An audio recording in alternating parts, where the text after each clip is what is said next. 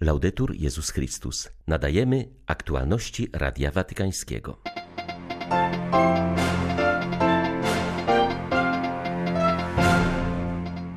Papież Franciszek przyjął w Watykanie przedstawicieli francuskiej Fundacji Liderzy dla Pokoju, organizacji monitorującej światowe kryzysy. Zachęcił jej członków, aby każdy kryzys traktowali jako szansę. W Budapeszcie rozpoczęło się sympozjum teologiczne. To jedno z licznych wydarzeń przygotowujących do Międzynarodowego Kongresu Eucharystycznego, który odbędzie się w stolicy Węgier z udziałem papieża Franciszka. W Białymstoku odbył się ingres nowego metropolity arcybiskupa Józefa Gustka. 4 września witają Państwa Krzysztof Bronk i Łukasz Sośniak. Zapraszamy na serwis informacyjny. Papież Franciszek przyjął w Watykanie przedstawicieli francuskiej Fundacji Liderzy dla Pokoju. Organizacja zajmuje się monitorowaniem światowych kryzysów geopolitycznych mogących zagrozić równowadze międzynarodowej. Ojciec Święty zaznaczył, że obecnie świat znajduje się w wielkim kryzysie. Pandemia nie została póki co przezwyciężona, a jej konsekwencje gospodarcze i społeczne, zwłaszcza dla najuboższych, są bardzo poważne. Wyzwanie polega na tym, aby pomóc rządzącym i obywatelom traktować kryzysy jako szansę. Na przykład kryzys ekologiczny spotęgowany przez pandemię może wzbudzić większe poczucie odpowiedzialności za planetę, przede wszystkim wśród przywódców, a następnie obywateli. Aby tak się stało, należy rozwijać wiedzę na temat problemów i ich przyczyn. Pandemia doprowadziła do kryzysu polityki jako takiej. Nawet ten fakt może okazać się szansą do budowania lepszej polityki. Należy pracować na dwóch poziomach kulturowym i instytucjonalnym. Kultura musi skupiać się na godności osoby, zwłaszcza zmarginalizowanej, promować kulturę spotkania, w której słuchamy i przyjmujemy naszych braci i siostry. Na poziomie instytucjonalnym istnieje pilna potrzeba wspierania dialogu i współpracy wielostronnej, ponieważ porozumienia wielostronne są lepszą gwarancją troski o prawdziwe dobro wspólne i ochronę państw słabszych.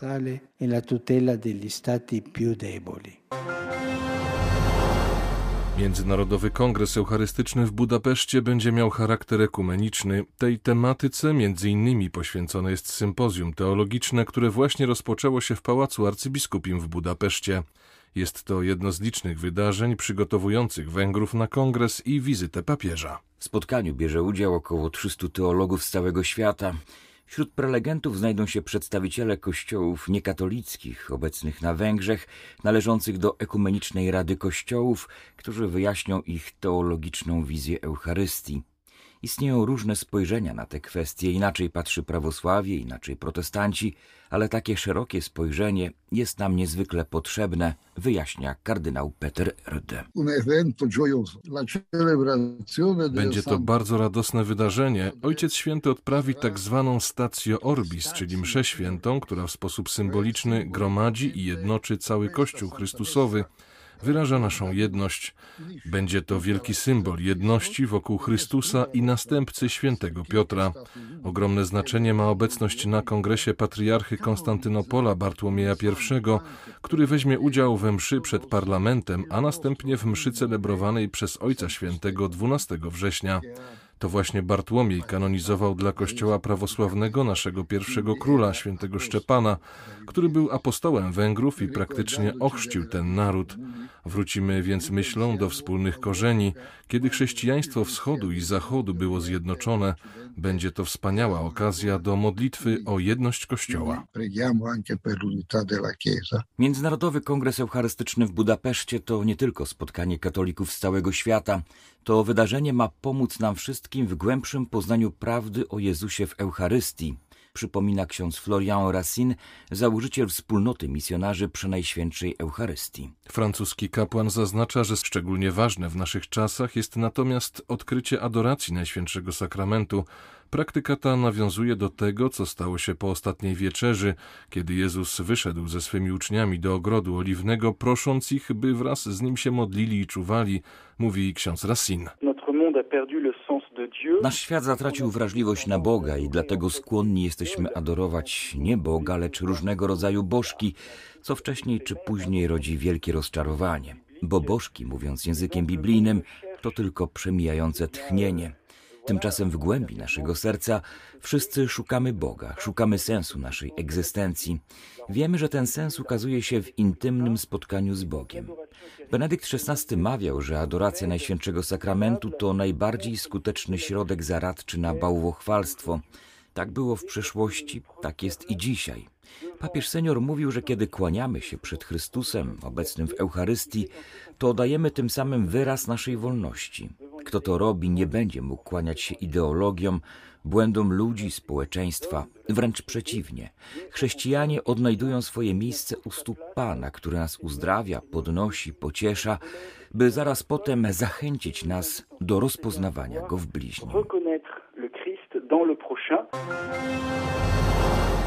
We włoskim Gubbio trwa letnia szkoła ekonomii świętego Franciszka. Celem spotkania młodych naukowców i przedsiębiorców z całego świata jest zainicjowanie współpracy w celu budowania ekonomii dążącej do wspólnego dobra, a nie wyłącznie osobistego zysku.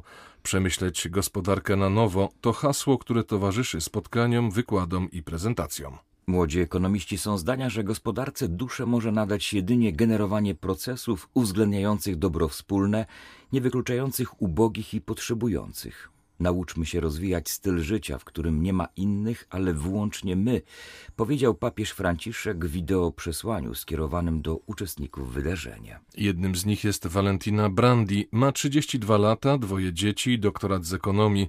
Podkreśla, że równie ważne jak wykłady są nieformalne momenty konferencji, podczas których można wymienić się doświadczeniami i punktami widzenia. Różnorodność krajów pochodzenia uczestników jest jednym z ważniejszych aspektów. Bogactwo wynika również z faktu, że dyskusja nie dotyczy tylko tematów teoretycznych, ale bardzo praktycznych zagadnień. Forma spotkania nie ogranicza się wyłącznie do wykładów, jest także praca w grupach. Rozmawiamy na przykład o tym, że współczesne badania behawioralne pokazują, iż jesteśmy bardziej skłonni do postrzegania świata jako my niż jako ja. Uświadamiamy sobie, jak ważne jest poczucie przynależności, ponieważ bez niego nie można dokonywać pewnych wspólnych wyborów. Należy to następnie przenieść w codzienne życie do relacji, jakie nawiązujemy jako ekonomiści i przedsiębiorcy. Dzieje się tak na przykład wówczas, gdy dany kraj przechodzi z pozycji państwa opiekuńczego do idei wspólnoty angażującej wszystkich obywateli. Anglikański biskup Jonathan Goodall przekazał wczoraj informację o swej rezygnacji i przejściu do Kościoła katolickiego. Od ośmiu lat był ordynariuszem sufraganii Ebbsfleet w południowej Anglii. Arcybiskup Justin Welby przyjął jego decyzję z żalem. Motywacją byłego już anglikańskiego hierarchy jest pragnienie bycia w jedności z Kościołem katolickim. Jak stwierdził, jego decyzja poprzedzona była długim okresem modlitwy i rozeznawania. Duchowny zaznaczył, że względem Kościoła Anglii zawsze będzie odczuwał wdzięczność za przekazanie mu skarbu wiary i łaski bycia chrześcijaninem. Goodall zwrócił się także do wiernych swojej byłej wspólnoty. Ufam, że wierzycie, że przez swoją decyzję odpowiedziałem tak na zaproszenie od Boga i Jego wezwanie. Po piątkowym ataku terrorystycznym w supermarkecie w Auckland w Nowej Zelandii episkopat tego kraju wydał oświadczenie, w którym wzywa wszystkich obywateli do zjednoczenia przeciw aktom przemocy. Katolicka wspólnota Nowej Zelandii stoi u boku ludzi wszystkich wyznań oraz tych, którzy nie wyznają żadnej wiary jako naród zjednoczony przeciwko wszelkim formom przemocy, napisali biskupi po zamachu. Pochodzący ze Sri Lanki mężczyzna, identyfikujący się z tak zwanym państwem islamskim, zaatakował ludzi w supermarkecie. Ranił nożem sześć osób, po czym został zabity przez policję. Trzy ofiary są w stanie ciężkim. Biskupi zapewnili o modlitwie oraz wyrazili bliskość z ofiarami ataku. Przestrzegli także przed podziałami, które są według nich głównym motywem zamachowców. Włosi nie zapominają o księdzu Paulo Dall'Olio, porwanym w Syrii przed ośmiu laty. Choć od 2013 roku brakuje wiarygodnych świadectw potwierdzających, że włoski jezuita nadal żyje, dziś zostanie uhonorowany Nagrodą Odwagi, przyznawaną przez Fundację Zrównoważone Włochy. Nagrodę odbierze siostra porwanego przez dżihadystów kapłana. Nagroda Odwagi przyznawana jest ludziom, którzy mając na względzie dobro innych wykazali się męstwem i odwagą. Ksiądz Dalolio powrócił do pogrążonej w wojnie Syrii na terytoria kontrolowane przez islamistów. Wśród innych tegorocznych laureatów znalazł się również włoski lekarz Giovanni Puttoto z organizacji Lekarze z Afryką, który zabiega o udostępnienie szczepionek na COVID krajom Czarnego Lądu. Podkreśla on, że rezultaty tych starań są znikome. W Afryce zaszczepione zostało zaledwie 3% społeczeństwa. Podobnie jak w wypadku innych chorób i epidemii, Afryka znów jest ostatnia w kolejce, mówi Giovanni Putoto. Wszystkie kraje afrykańskie wypracowały program szczepień. Problem w tym, że aktualna produkcja szczepionek nie jest w stanie zaspokoić światowego zapotrzebowania. Co więcej, szczepionki, które się produkuje, są przechwytywane przez kraje najbogatsze. Kanada ma pięć razy więcej szczepionek niż potrzebuje, Anglia cztery razy więcej, Stany Zjednoczone trzy razy, a Unia Europejska ma dwa razy więcej szczepionek niż potrzebuje. Na to nakłada się problem patentów. W tym momencie kwestią podstawowej wagi jest tymczasowe zawieszenie patentów na szczepionki, zgodnie z tym, co przewiduje Światowa Organizacja Handlu. Tylko w ten sposób można zapewnić większą produkcję szczepionek, Afryka jest znów ostatnia w kolejce, podobnie jak to było z AIDS. Przypomnijmy, że Afryka uzyskała dostęp do leków antyretrowirusowych dopiero 10 lat po tym, jak pojawiły się na rynku. W Bazylice w Niebowzięcia Najświętszej Maryi Panny odbył się ingres szóstego metropolity białostockiego arcybiskupa Józefa Gustka. Podczas homilii hierarcha zachęcił duchowieństwo i wiernych do służby Bogu, Kościołowi i braciom. Nie możemy zamykać się w oblężonej twierdzy, ale zanurzeni w świecie od środka winniśmy ten świat przemieniać, dając innym z siebie to, co mamy najlepszego. Trzeba nauczyć się tworzyć przestrzeń, także dla współczesnych Zacheuszów, którzy zajmują miejsce na obrzeżach widzialnego Kościoła. Nowy metropolita zaznaczył, że pragnie poznawać bogactwo dobra, które jest w każdym z duchownych i świeckich powierzonej jemu archidiecezji, by dając siebie żyć dla nich i razem z nimi, jako pasterz i brat. Z Warszawy dla Radia Watykańskiego ojciec Stanisław Tasiemski, dominikanin w oczekiwaniu na beatyfikację prymasa Wyszyńskiego.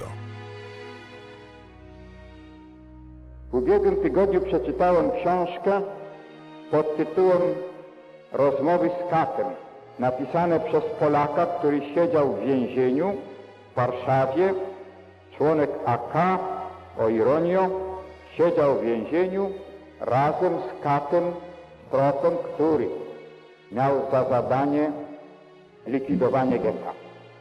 I on to w tych rozmowach z autorem, więźniem, obydwaj więźniowie i trzeci świadek, rozmawiali sobie szczerze na temat sposobu likwidowania getta warszawskiego. To są rzeczy straszne. I człowiek się zastanawia, jaką drogą może dojść człowiek w XX wieku, uznawanym przecież za szczyt postępu, do tak kryminalistycznego myślenia i stylu życia. Tak był wychowany. Co to znaczy, gdy człowiek jest wychowany bez Boga, bez Chrystusa, bez krzyża, bez Ewangelii, bez Matki Chrystusowej, bez Matki Kościoła, bez świateł, które Kościół daje. Co to znaczy?